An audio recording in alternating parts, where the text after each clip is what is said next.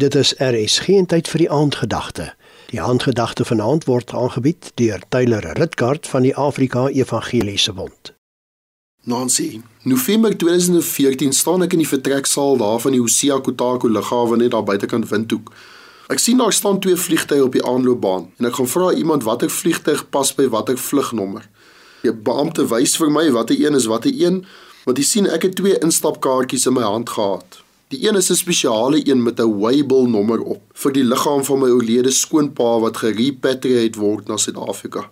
Die ander is myne wat 30 minute na hom sal opstyg op pad begrafnis toe.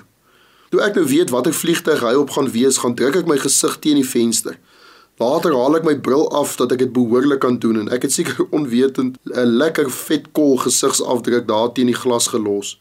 Maar ek haal nie my oë van daai vliegtyg af nie tot ek gesien het hulle laai sy kus daar tussen die tasse in. 'n Versie kom toe by my op saam met 'n paar trane in my oë. Psalm 81 vers 7 sê Ek het sy skouer bevry van die las, sy hande het die mandjie gelos.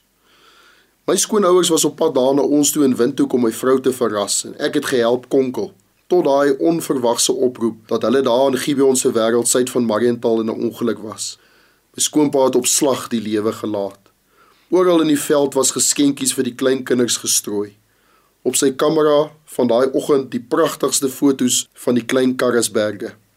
Hy, een van die blymoedigste mense wat ek geken het, altyd vrolik, positief, maar nou stil.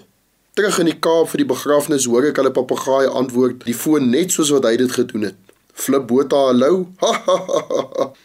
Tog was die lewe nie sonder stryd vir hom nie. Inteendeel, dit was gelaai met baie baie stryd, bekommernis en uitdagings.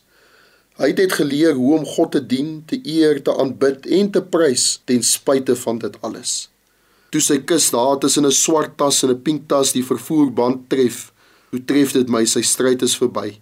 Die wedloop is volëindig en hy het die geloof behou. Ons ken almal Habakuk 3 vers 17 tot tot 18.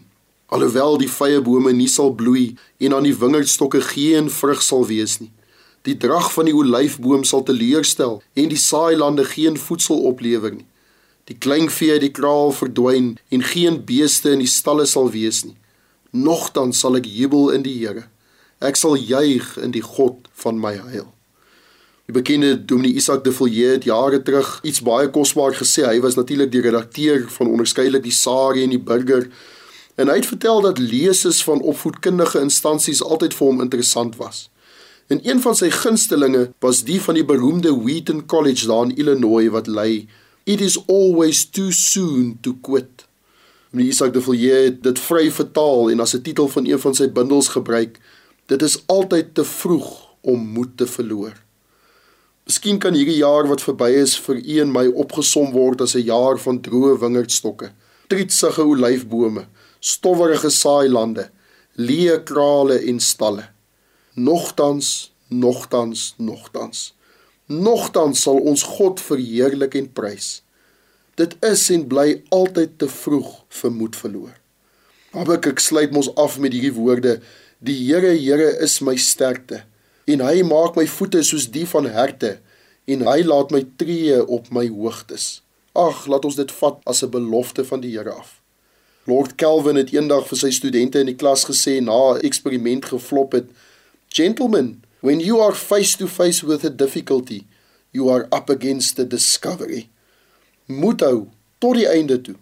Nogtans eer en dien ons die Here en ons vertrou op hom wat geloofwaardig is. Amen. Jy het geluister na die aandgedagte hier op RSG, aangebied deur Tyler Ritgard van die Afrika Evangeliese Bond.